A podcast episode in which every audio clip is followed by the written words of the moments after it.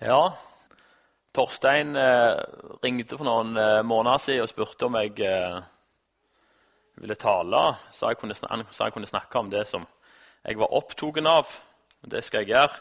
Jeg skal snakke om noe som eh, ja, de aller fleste av oss er ikke noe særlig glad i det.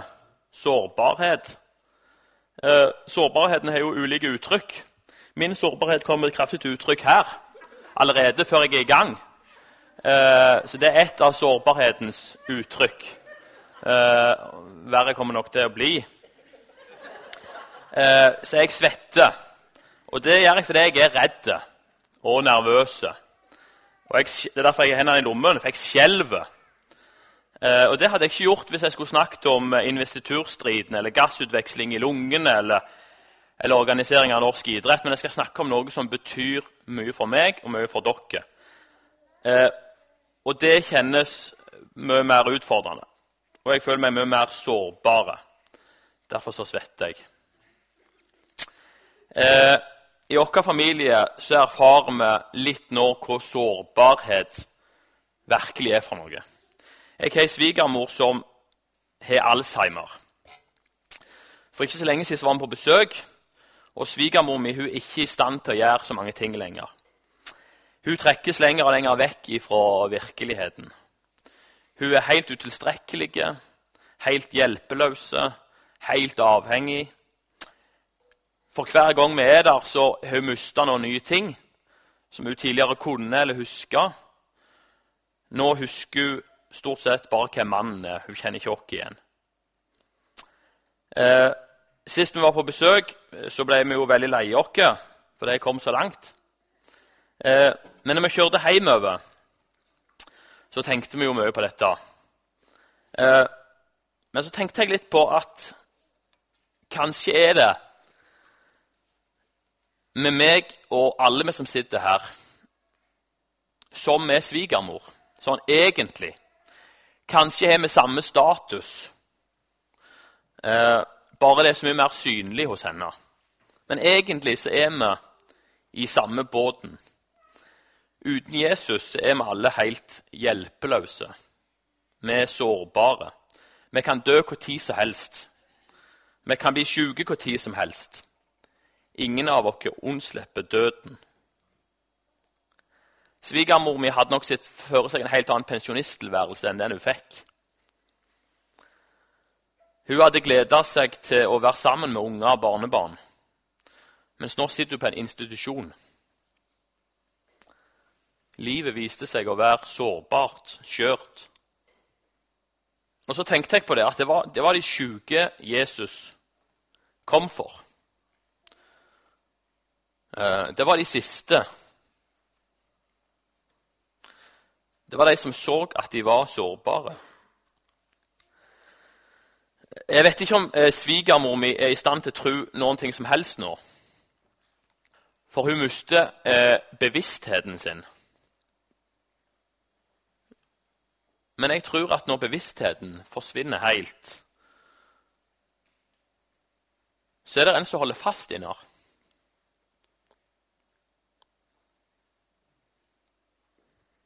Min svigermor har aldri vært så avhengig av Jesus som hun er nå. Hun representerer de som er de siste på jorda.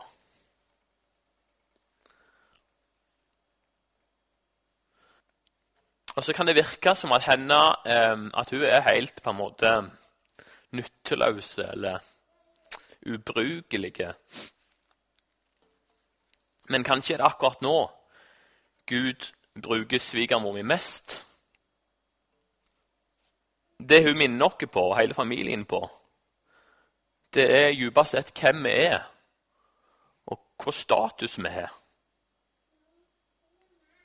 Hun minner oss på vår egen sårbarhet.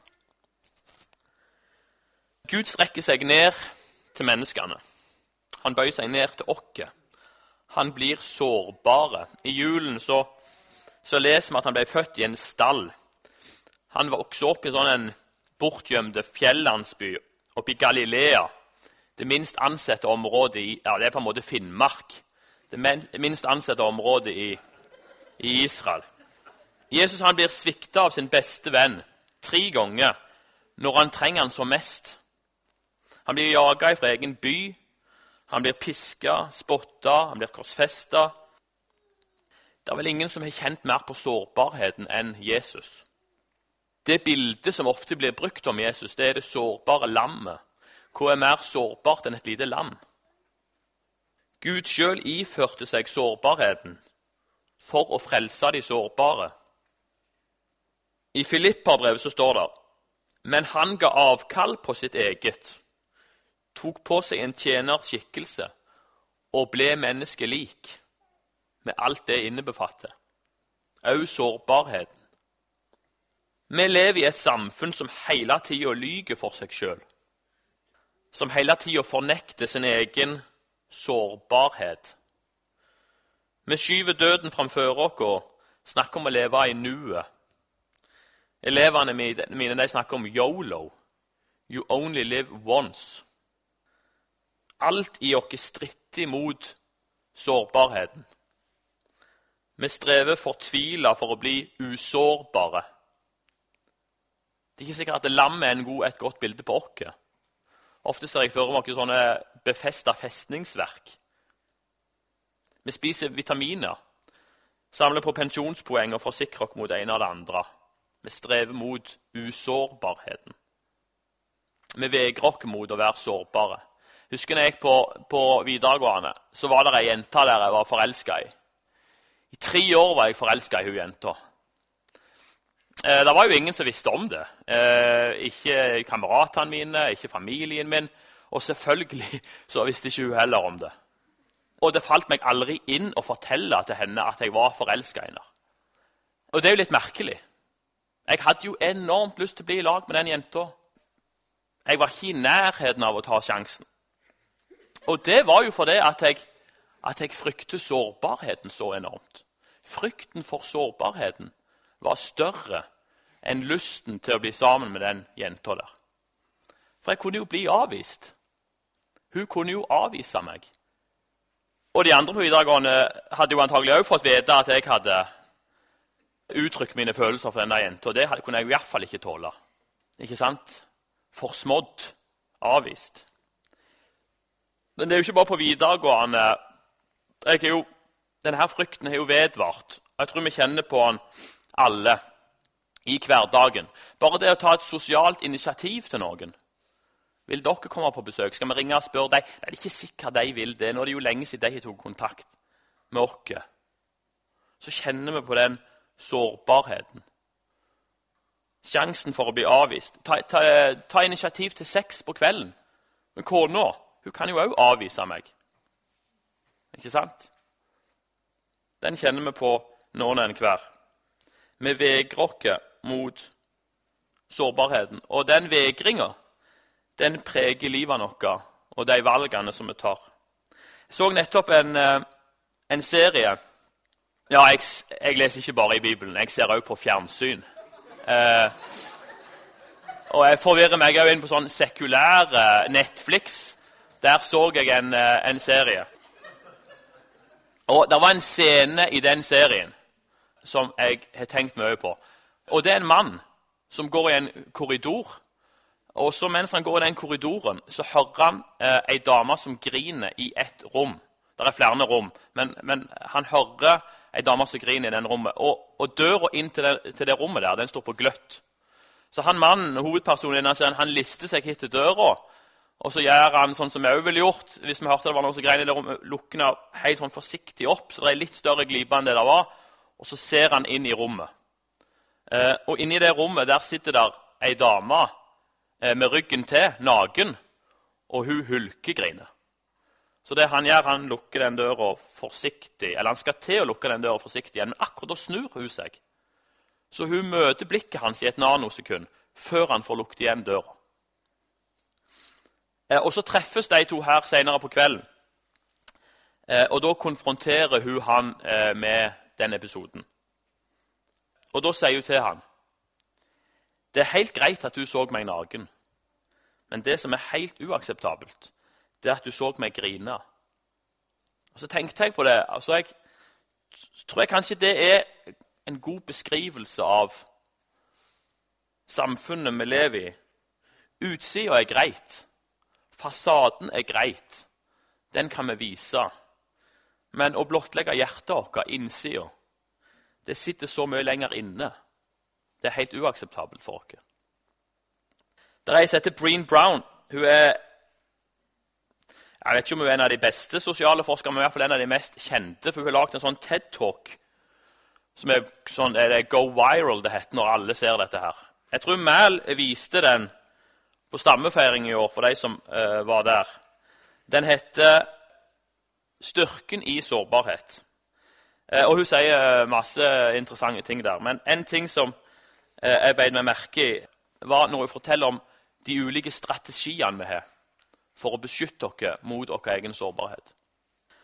Og Da sier hun en strategi som mange bruker, det er at vi prøver å konstruere og skape et bilde av det motsatte. Det motsatte av sårbarhet, nemlig det perfekte. Så vi strever etter perfekte kropper, perfekte hus, perfekte hager, perfekt kosthold, perfekte karakterer, perfekte klær osv. Og, så bygger vi opp en illusjon, et vrengebilde, for å beskytte oss sjøl mot sannheten. Så lager vi en annen sannhet som vi prøver å tro på. Den andre strategien som Hugh Brown snakker om, det er at vi regelrett bare rymer. Hver gang det oppstår en situasjon, hver gang vi nærmer oss nå i en samtale, så tar vi bare en avstikker vekk. Vi fjerner oss fra situasjonen. Klart Det er noen, noen situasjoner vi ikke kommer utenom. Begravelser, f.eks. Da prøver vi å distansere oss så mye vi kan fra alt det som kan komme nær til oss, som kan minne oss om vår egen sårbarhet. Så er vi den tredje strategien. Og det er at vi bedøver følelsen av sårbarhet. Vi doper ned. Vi kan konsumere enorme mengder med underholdning. Vi kan reise overalt, oppleve alle slags mulige ting. Spise gourmetmat, drikke av det ypperste verden har å by på, se på fotballkamper, oss. Vi springer og sykler til vi stuper. Vi gjør alt mulig for å dope ned vår egen sårbarhet, for å ryme, for å slippe. Ikke sant? Bedøver man. Og Så sier Brown konsekvensen av ryming og bedøving og oppkonstruering av nye sannheter det er ganske alvorlige. For hvis vi gjør det, så fjerner vi oss òg fra vår egen evne til å erfare ekte glede og takknemlighet. Hvis man aldri har sett inn i sitt eget mørke, sett inn i sin egen avgrunn, så er man heller ikke i stand til å kjenne på den dype gleden, sier Brown. Den som aldri har vært sulten, kan vel aldri kjenne på den følelsen av å bli mett. Den som aldri har mangla noe, vil aldri vite hva det er å være takknemlig. Vi har alt, men det er alt vi har, sier Per Arne Dahl. We impress by strength, but we connect through brokenness. Står ikke i Bibelen, kunne veldig godt gjort det, men det gjør ikke det. Men det er en sannhet for det om. Vår verden er designa for å imponere. Hvis vi skal lykkes, så er vi nødt til å vise styrke, og for all del unngå å vise svakhet. Vi skal framstå som kompetente, målretta, visjonære, ha gjennomføringskraft osv. Så, videre. så imponerer vi oss gjennom livet. Så høster vi bekreftelse og anerkjennelse. Alle bedriftene og suksessene våre kan vi dele med alle vennene våre på ulike medier. Se hvor gøy jeg har det. I fjor påske så kjente jo Jeg kjenner jo på dette hele veien, men nå kjenner jeg spesielt på det. Jeg er jo nordmann, og de fleste nordmenn kjenner jo på det nærmest som en plikt å lære ungene å, å gå på ski. Men eh, det hadde vi ikke anledning til den påsken. Vi fikk iallfall ikke gått noe på ski.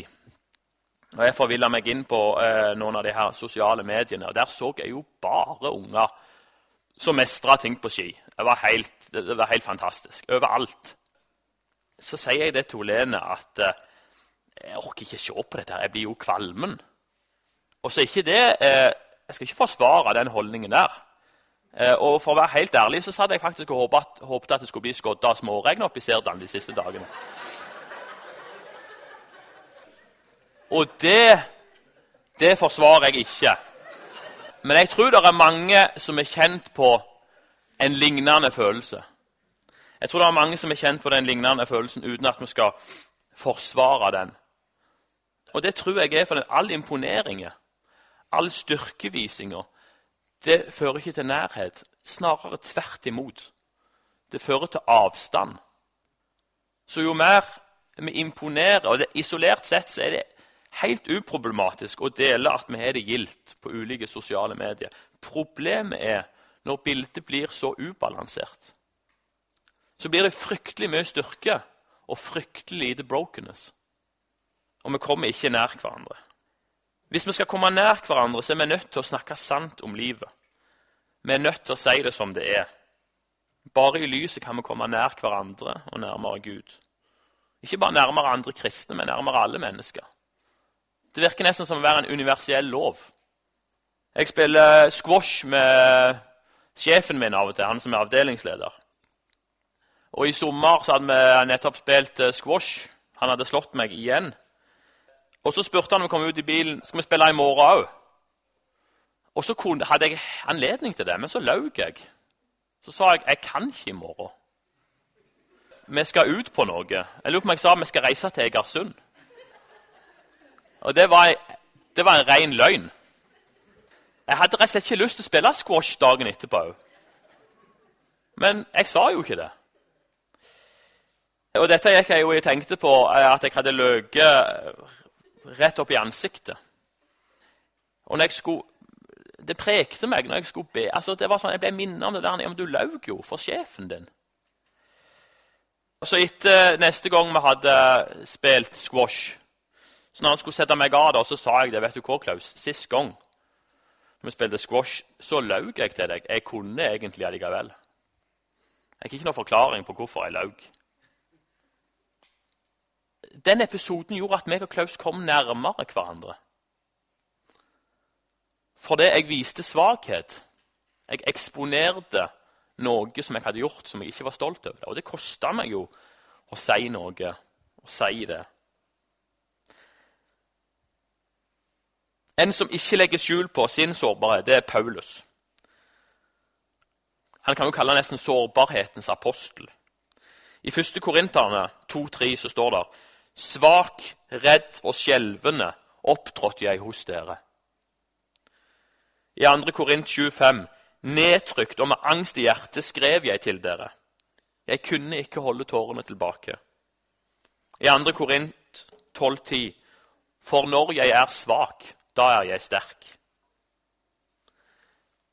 I 2. Korint 12,9.: Men han svarte, Min nåde er nok for deg, for kraften fullendes i svakhet.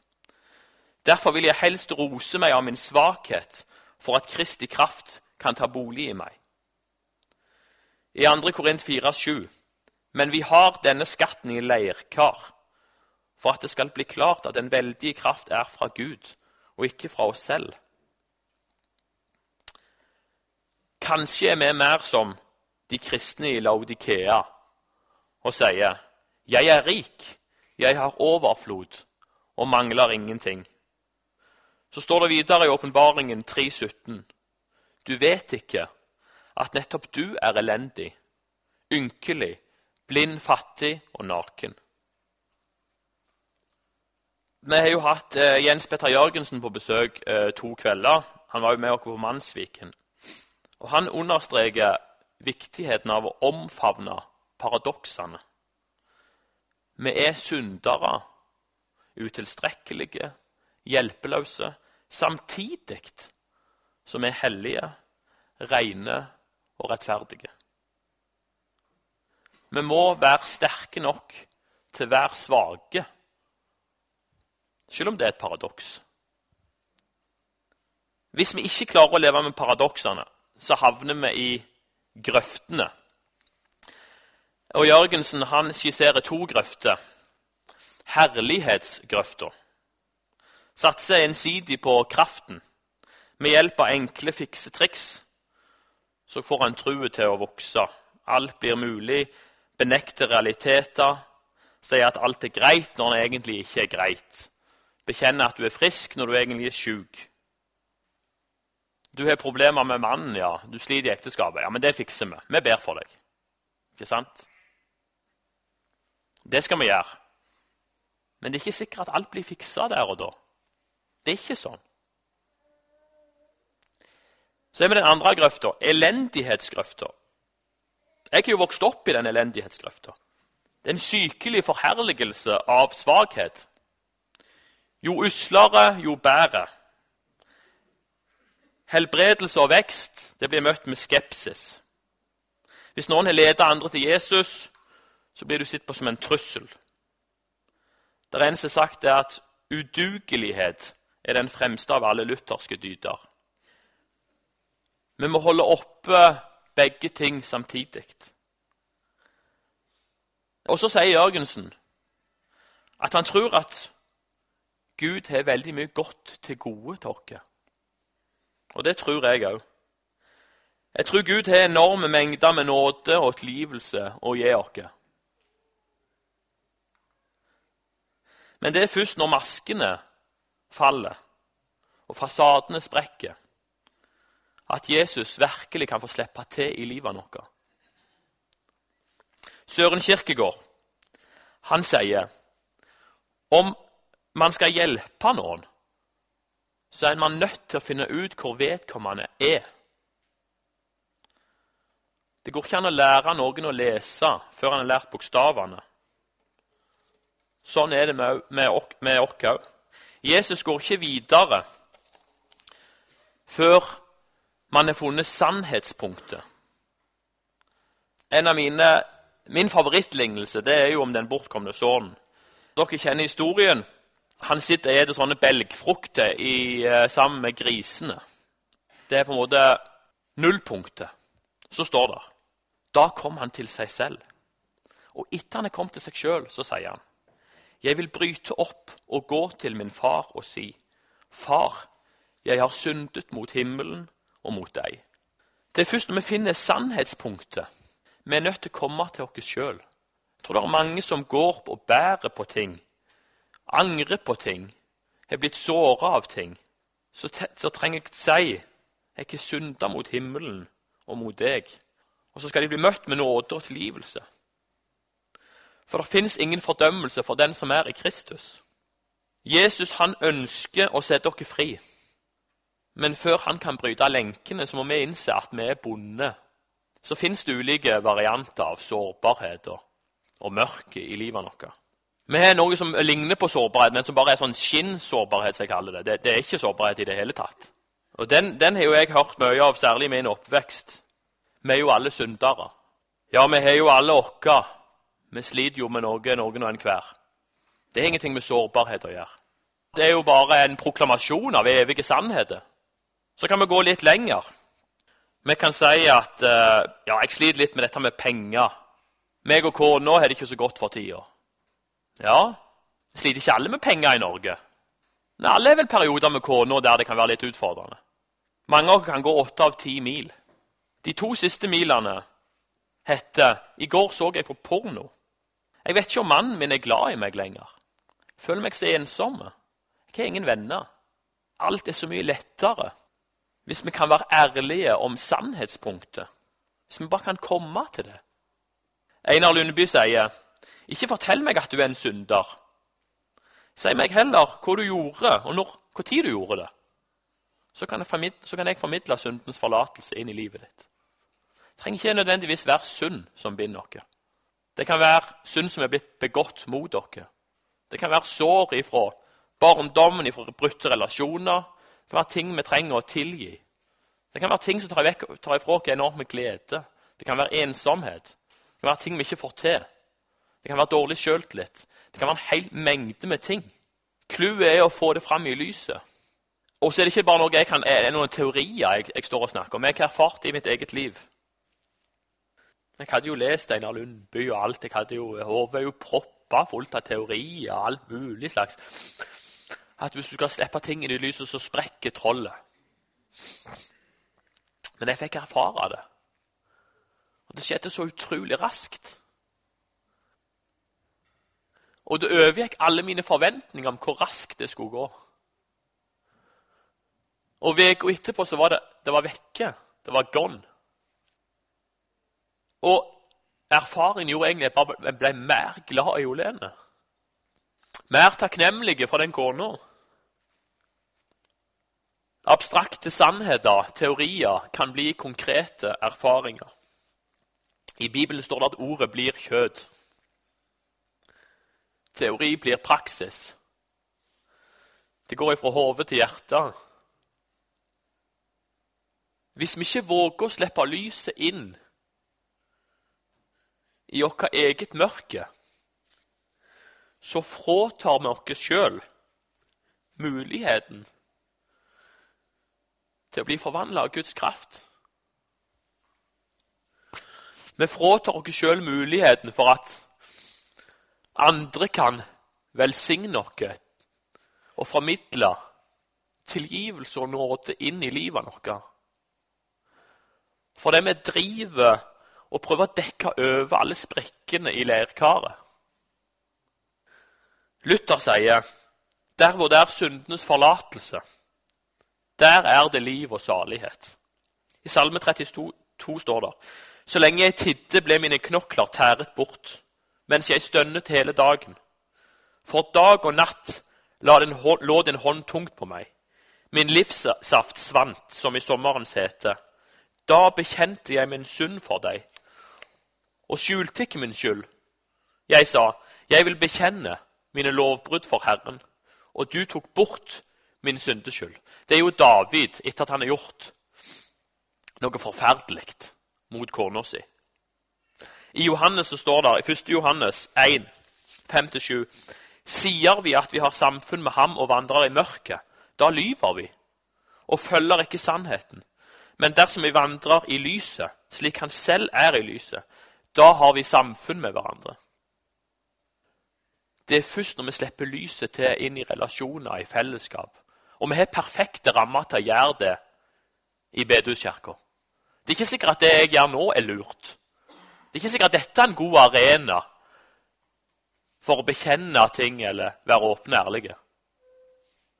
Men i fellesskapet våre så kan vi ikke få tryggere og bedre rammer for å være åpne og ærlige. Jeg har vært på Mannsviken for ikke så lenge siden. og Der får vi erfare at sannheten setter mennesker fri hele veien, intensivt. Og vi får erfare at Guds kraft fullendes i svakhet.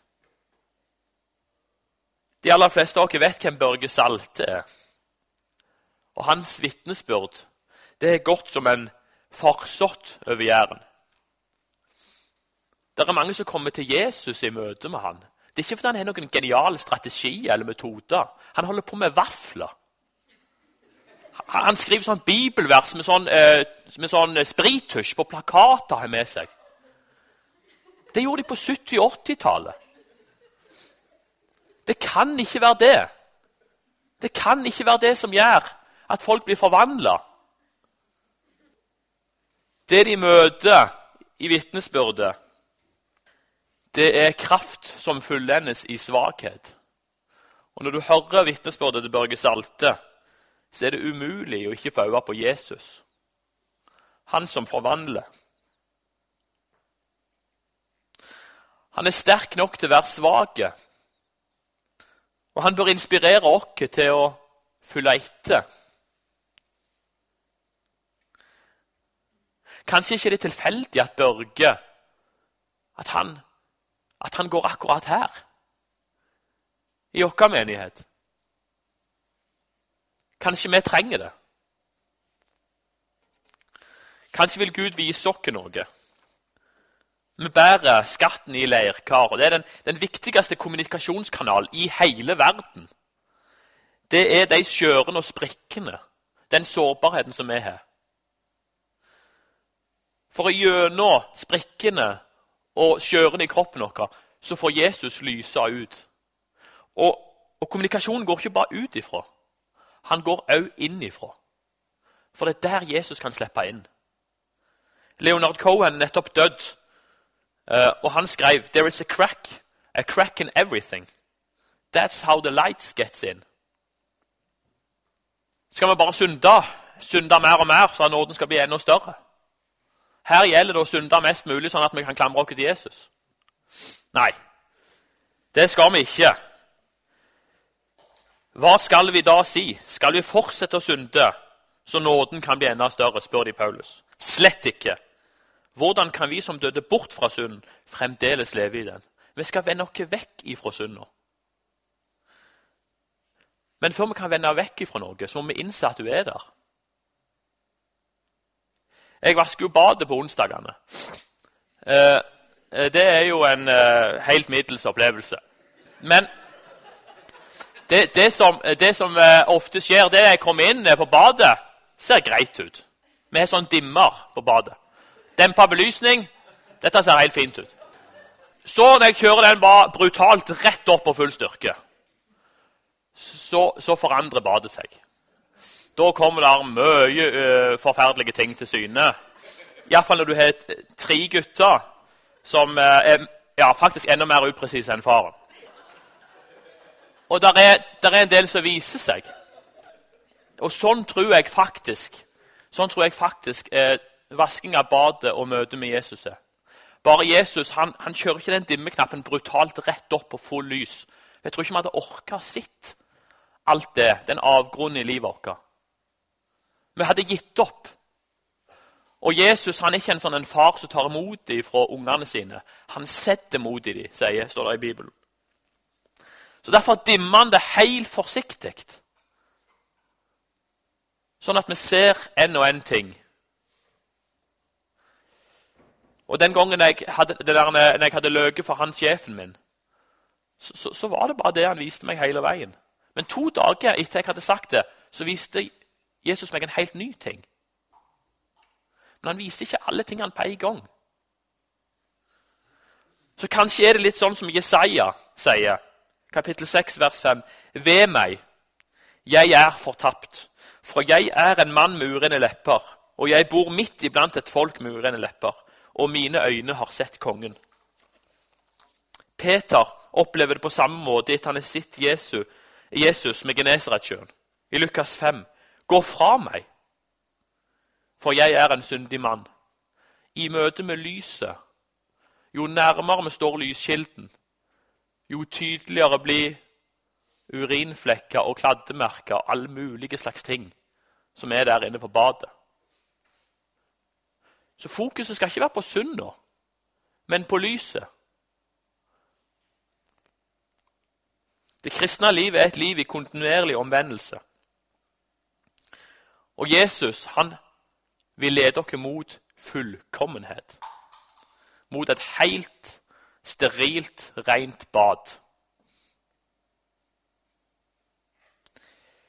Mye tyder på at en del av de tingene som jeg har satt fingeren på, ikke nødvendigvis er noe som omgivelsene rundt forbinder med kristne på Jæren. Jeg hører jo på et, eh, et band. Eh, jeg hører på andre ting enn Marit og Irene òg, det må jeg bekjenne. De banner til og med i noen noen av de sangene. Prøver å lukke ørene akkurat da. Silo og Saft heter de. Og de har skrevet en sang som heter Tru. Og Den sangen er basert på deres møte med kristne folk på Jæren. Og en av linjene går For du går i det hvite hus, det lokale misjonshus. Der har de penger og tru. Det er for seint å snu. Så ikke det er nødvendigvis sannheten det er ikke sikkert at det de sier, stemmer, men det kommer fra en eller annen plass. Tenk om vi, i et samfunn der alle strever etter umenneskelighet, det usårbare, kan være menneskelige, sårbare mennesker. Tenk om vi er i et samfunn der alle skjuler seg bak fasader og masker, kan være ekte mennesker. I Bibelen står det at vi skal være lys og salt. Ofte tror jeg vi tenker på alt det vi skal gjøre og alt det vi skal sette i gang. og det er ikke måte på. Men jeg tror et ekstremt virksomt skritt det hadde vært å vågt å være svak.